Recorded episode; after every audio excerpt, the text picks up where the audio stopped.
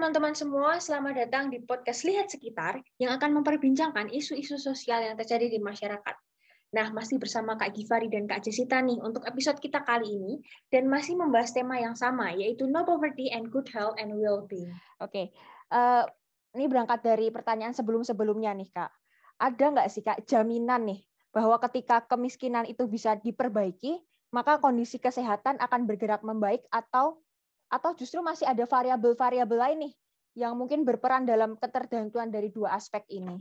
Mungkin bisa dari Kak Jessica dulu nih. Sorry, dia kurang begitu. Nggak pertanyaannya kayak, coba kamu ulangin in a more simple manner. Gitu. Itu Kak apa, kayak ada nggak sih Kak kayak jaminan gitu kalau misalnya uh, kemiskinan itu bisa diatasi oleh pemerintah, maka kondisi kesehatan, aspek kesehatan itu juga akan membaik gitu Kak. Hmm. Um, iya, jadi seperti yang tadi kita sebutkan dan juga jelaskan bahwa memang aspek dari kemiskinan itu sendiri multidimensi ya. Jadi tidak hanya melulu kesehatan is the only factor, tapi uh, there are so many factors uh, yang socio-economic factors uh, seperti misalnya kurang mod kurangnya modal, misalnya akses terhadap banking sector, lalu pendidikan, even things like mental health ataupun uh, pendidikan yang dari kecil ditanamkan value seperti itu bisa mengakibatkan atau bisa um, berujung pada peningkatan kemiskinan. Jadi memiliki dampak ya itu semua faktor itu. Jadi um, I think for correlation kalau misalnya kita lihat kan misalnya kita kalau di ekonometri belajar ya teman-teman ada yang namanya korelasi ada juga yang namanya causality. Jadi kalau korelasi ya mereka memiliki keterkaitan positif antar kedua variabel ya. Tapi kalau causality itu adalah given other factors constant, eh, kesehatan itu mempengaruhi kemiskinan ataupun vice versa atau kemiskinan mempengaruhi kesehatan. Kalau menurutku aku di sini mungkin baru berani untuk ngomong korelasi ya. Jadi mungkin dengan meningkatnya eh, dengan ada pengetahuan kemiskinan yang lebih baik, harusnya kesehatan juga bisa lebih baik. Tapi to certain extent seperti apa, to what percentage point aku belum bisa ngomong karena kebetulan aku juga belum pernah membaca literatur tentang uh, dampak ataupun keterkaitan antara keduanya dalam konteks Indonesia yang secara general, bukan per program gitu, bukan per intervensi. Nah kalau untuk um, yang kedua tadi aku sebutkan, aku rasa kalau untuk causality uh, itu yang masih harus kita pertanyakan kita gaya lagi. Mungkin uh, this is your task uh, untuk untuk teman-teman yang pengen jadi ekonomis ataupun researcher di kemudian hari untuk meneliti dampak antar keduanya dan apakah um, kemis dengan kemiskinan ataupun effort government untuk kemiskinan itu yang mengurang uh, yang membuat kemiskinan menurun itu apakah memiliki dampak terhadap kesehatan atau uh, kesehatan yang semakin membaik dari suatu negara aku rasa ataupun my null my hypothesis, my initial hypothesis adalah tentunya mereka memiliki korelasi yang uh, yang um, positif. Jadi dengan eh ya positif dengan pengentasan kemiskinan harusnya kesehatan akan semakin baik. Tapi aku rasa dari hal causality harus ada penanganan-penanganan ataupun intervensi yang very specific design untuk solve uh, each uh, problems dari kesehatan yang menyebabkan kemiskinan. Baru itu akan berjalan mungkin dengan uh, lebih baik atau memiliki dampak yang lebih besar. Contohnya misalnya stunting itu dirasa ataupun dinilai dan sudah ada empirical evidence yang mengatakan bahwa um, stunting yang lebih tinggi itu tingkat stunting intinya keluarga uh, anak yang tumbuh dari tingkat stunting itu biasanya memiliki tendensi yang jauh lebih besar ataupun probability untuk jauh untuk jatuh di kemiskinan ataupun tetap ada dalam vicious cycle poverty yang lebih besar. Berarti di sini kita bisa bilang bahwa um, what we have to do adalah bagaimana caranya kita mencari cara-cara yang spesifik untuk address the problem of stunting, misalnya seperti itu. Atau misalnya uh, ada permasalahan lain, misalnya nanti di kemudian hari kita menemukan bahwa kurangnya akses terhadap kesehatan adalah the primary source of poverty ataupun merupakan uh, penyebab pertama ataupun penyebab utama dari kemiskinan. Berarti harus ada specific objectives ataupun specific intervention yang juga dilakukan oleh pemerintah untuk bisa menangani uh, kasus ini. Jadi memang the case of poverty, the case of health itu semua case per case ataupun per problems. Jadi harus ada penanganan yang spesifik, intervention yang spesifik yang memang bisa uh, address the target correctly atau secara tepat dan secara benar. Of course in an effective manner seperti itu. Mungkin Givari kalau um, ada tambahan bisa menambahkan. Ya mungkin kalau aku tambahan sedikit ya sebenarnya yang dikatakan Jessica benar ya kalau misalnya poverty dan kemiskinan itu punya korelasi begitu. Cuma yang jadi masalah sekarang adalah uh, pertanyaannya kan adalah jaminan gitu ya bahwa ketika kemiskinan berkurang maka kesehatan akan membaik gitu. Um, mungkin ya dia korelasi, tapi dia nggak kausaliti seperti Jessica katakan. Tapi saya bisa kasih satu contohnya. Contohnya kayak paling gampang itu stunting ya. Stunting itu kan dia itu semacam kekurangan gizi gitu ya. Dia itu stunted lah pertumbuhannya begitu. Perkembangan otaknya kurang baik. Gitu. Kalau misalnya itu awalnya tuh dianggap sebagai fenomena kemiskinan gitu karena wajar orang yang tidak mampu tidak bisa afford gizi dan kemudian ya anaknya stunting tapi pada kenyataannya data-data itu menunjukkan bahwa stunting ini terjadi di seluruh lapisan masyarakat, even sampai yang di upper middle class, sampai yang masyarakat kelas atas. Artinya apa?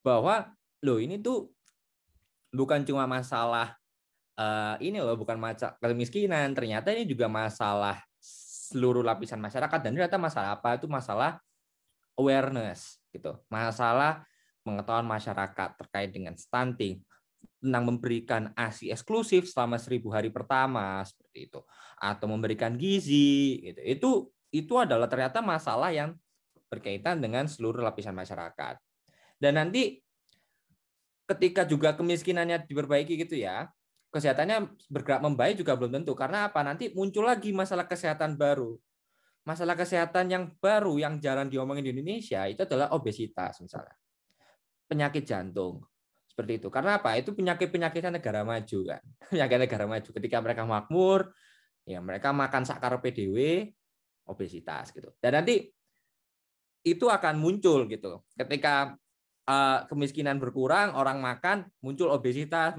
muncul penyakit jantung, muncul penyakit banyak, itu mulai keluar semua. Dan itu karena disebabkan oleh apa? Disebabkan oleh awareness.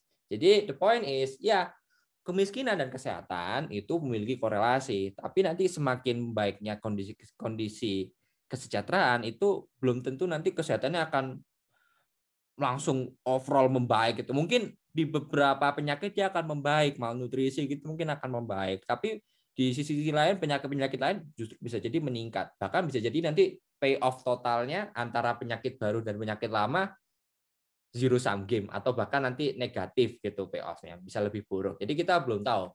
Ya ada korelasi, tapi kita tidak bisa menjamin hal tersebut begitu.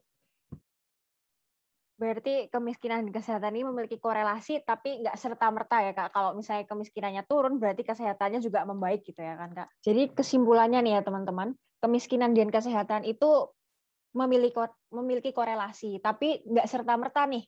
Ketika kemiskinan itu uh, menurun, kesehatan akan meningkat gitu. Itu tidak serta merta seperti itu. Masih ada variabel-variabel lain yang mungkin juga mempengaruhi. Seperti itu.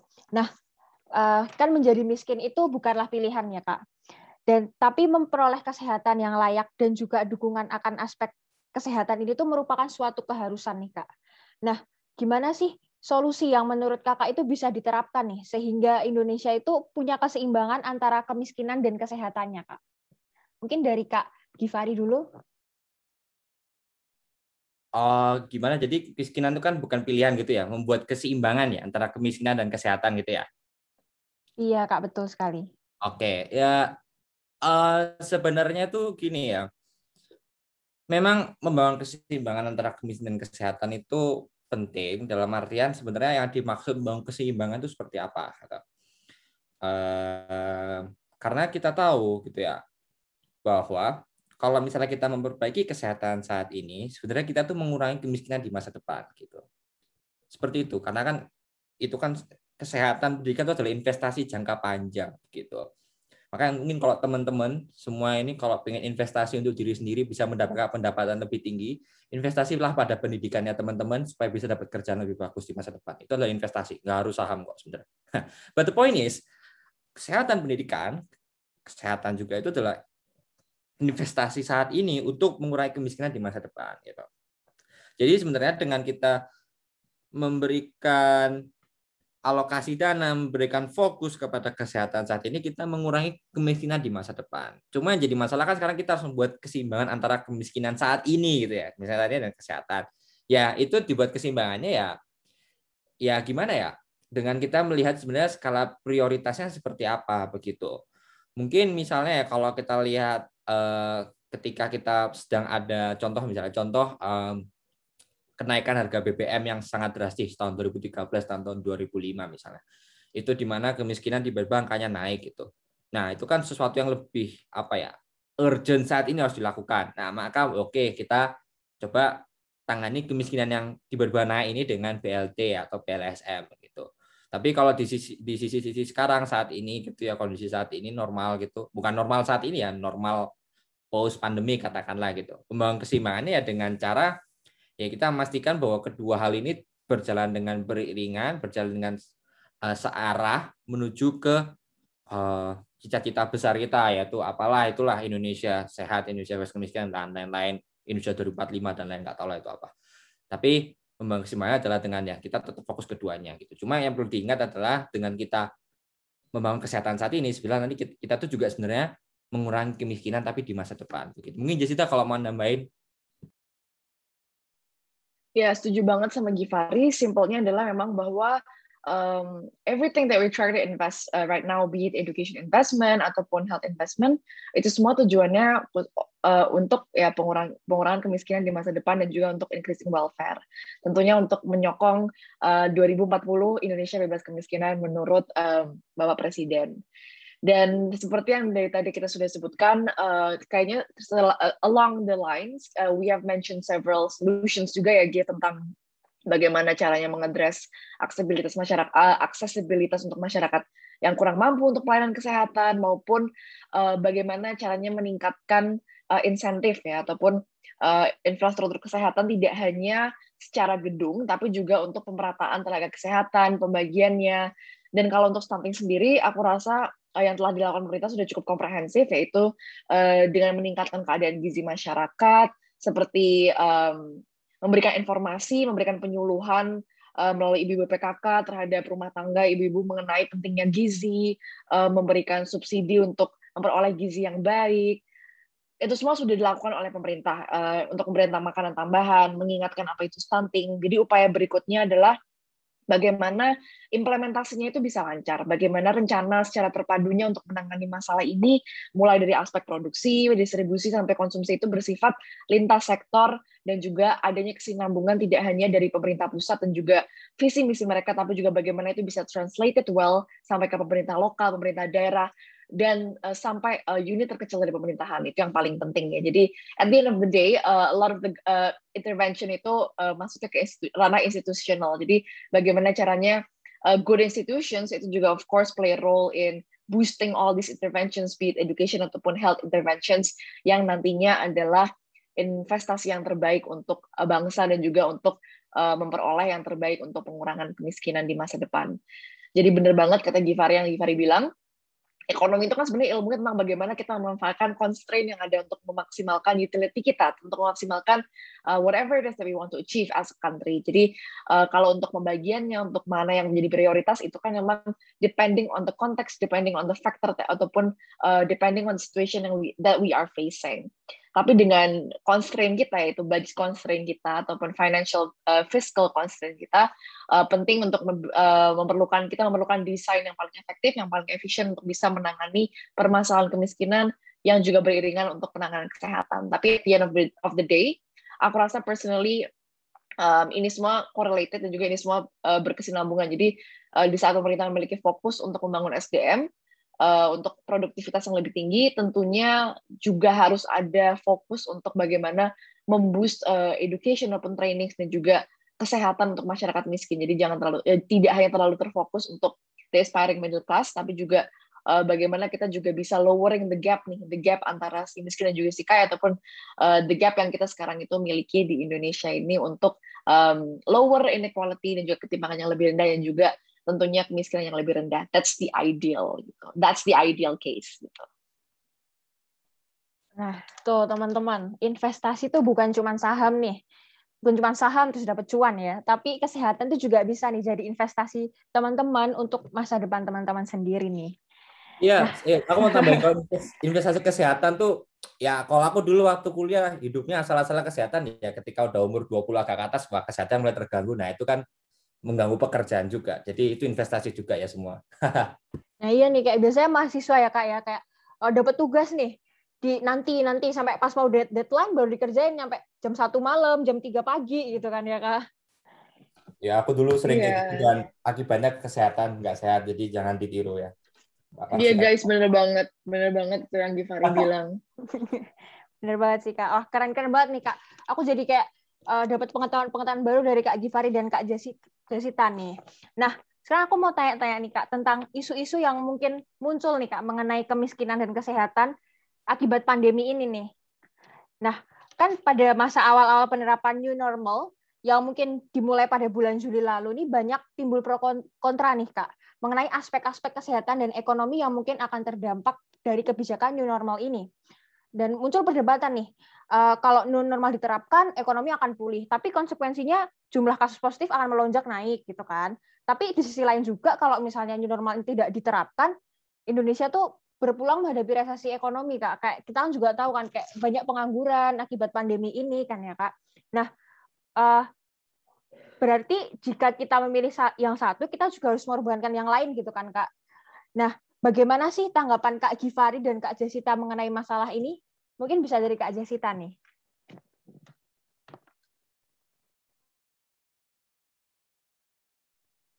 Ya, um, jadi kan memang awal-awal pandemi ini ada banyak debat ya tentang apakah apa sih uh, the opportunity cost between intinya uh, kesehatan dan juga um, ekonomi.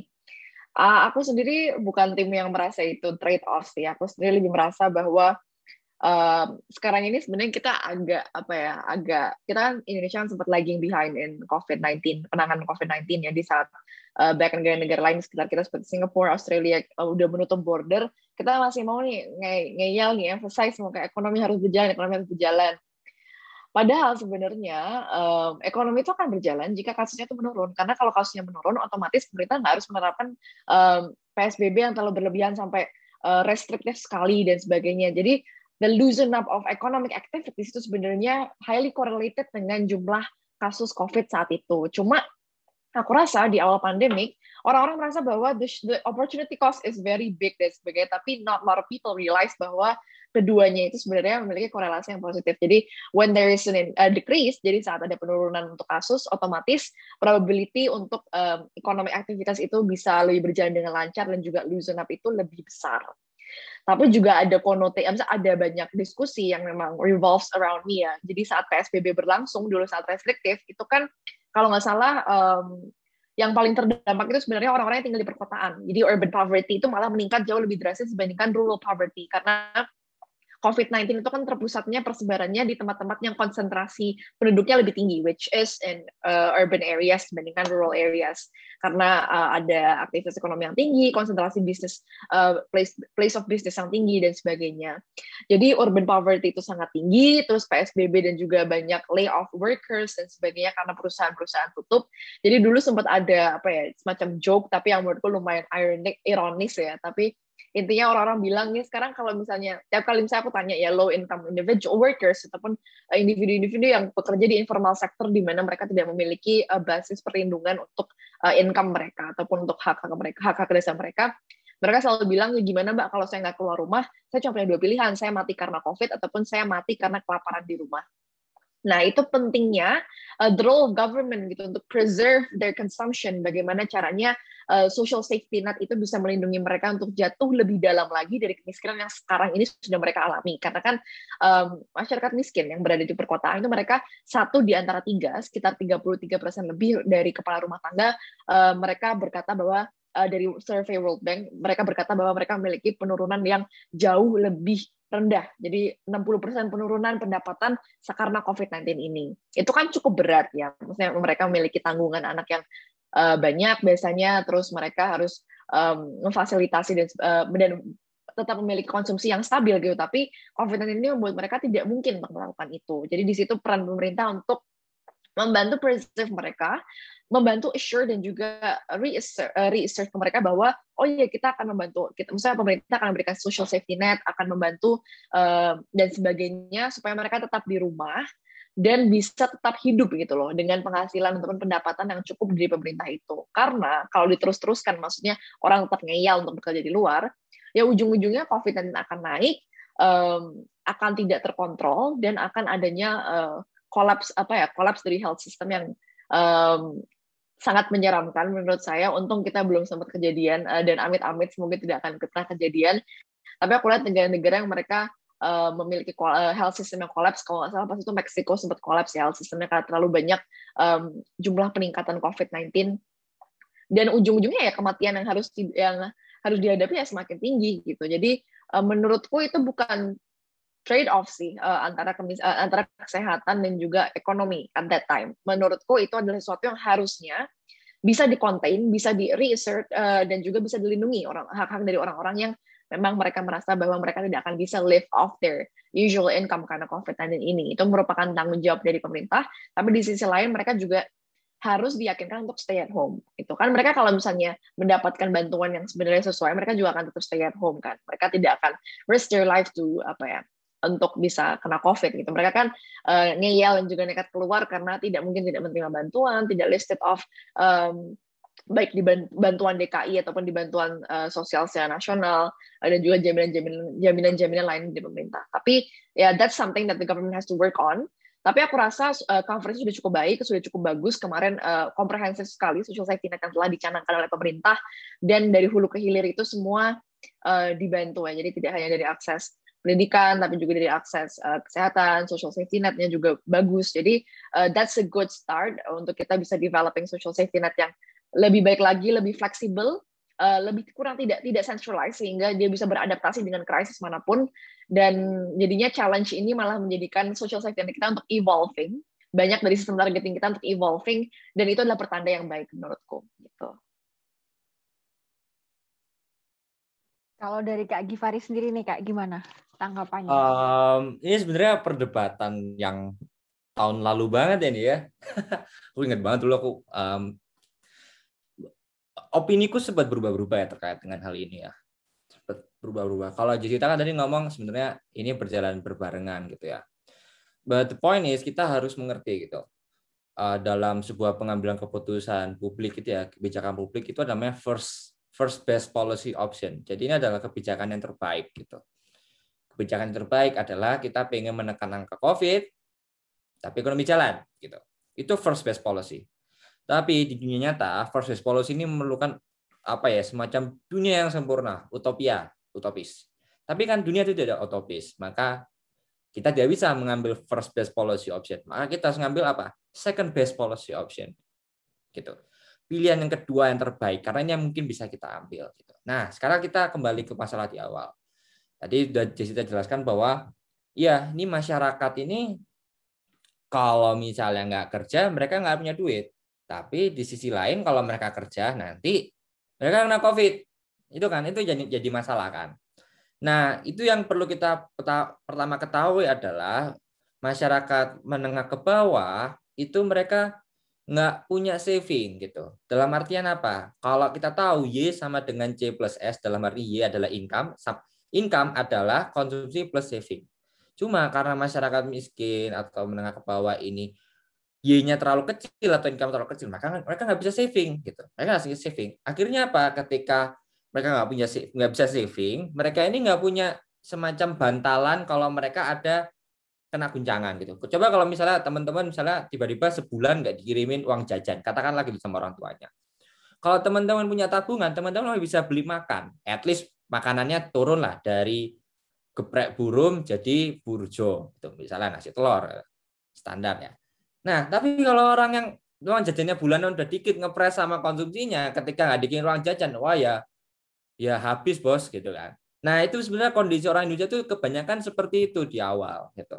Bahwa orang Indonesia itu mayoritas nggak punya saving. Dan saya yakin teman-teman juga mayoritas pasti savingnya kecil jadi rentan terhadap guncangan ekonomi gitu Akhirnya apa ya? Pemerintah ngambil keputusan, oke, okay, kita ambil second best policy option di mana apa? Ya udah kita buat new normal ini agar mereka yang nggak punya saving ini bekerja, kembali dapat duit gitu. Tapi ya nanti kita akan menghadapi uh, semacam apa ya? Kenaikan angka COVID yang lebih tinggi daripada kalau misalnya kita lockdown gitu misalnya. Ya, misalnya lockdown katakanlah peningkatan COVID-nya plus 10, tapi karena new normal peningkatnya plus 30 gitu kan lah. Tapi pemerintah juga tahu, tapi kalau misalnya kita benar-benar lawsin nanti benar-benar dibiarin peningkatan COVID-nya plus 100 misalnya. Jadi pemerintah misalnya ngambil angka tengah ya udahlah plus 50 gitu. Cuma pemerintah juga mikir, oke, okay, kalau misalnya kita ngelosin di sini new normal, ini kebijakan satu. New normal ini untuk menjaga masyarakat tetap hidup, tetap makan. Tapi gimana cara kita menekan angka COVID? Ya pemerintah berusaha untuk melakukan peningkatan awareness menggunakan masker dan lain-lain gitu-gitu. Gitu. Jadi kalau menurut saya uh, ya nasi sudah menjadi bubur dalam hal ini gitu ya. Uh, ya sudah, ya debatnya adalah sekarang ya ya ya apa ya memilih ini tuh ya kita sudah memilih di awal seperti ini begitu. Karena dengan beberapa aspek lainnya yaitu uh, masyarakat tidak memiliki saving, masyarakat harus hidup begitu. Cuma, cuma yang menjadi masalah ke depannya ini ya menurut saya itu adalah ternyata juga nggak dari pemerintah sendiri untuk ngenaj atau mendorong orang untuk mematuhi protokol kesehatan juga setengah-setengah. Nah ini kan juga sekarang juga bingung gitu ya. Ini ekonomi sudah dibuka, tapi kebijakan untuk mendorong orang untuk mematuhi protokol kesehatan juga setengah-setengah. Yang apalagi yang aturan Lebaran barusan tuh kayak Halo, iki piye to? Nggak boleh lebaran tapi sebelumnya dipersilakan. Eh, maksudnya maksudnya maksudnya apa gitu. gitu kan.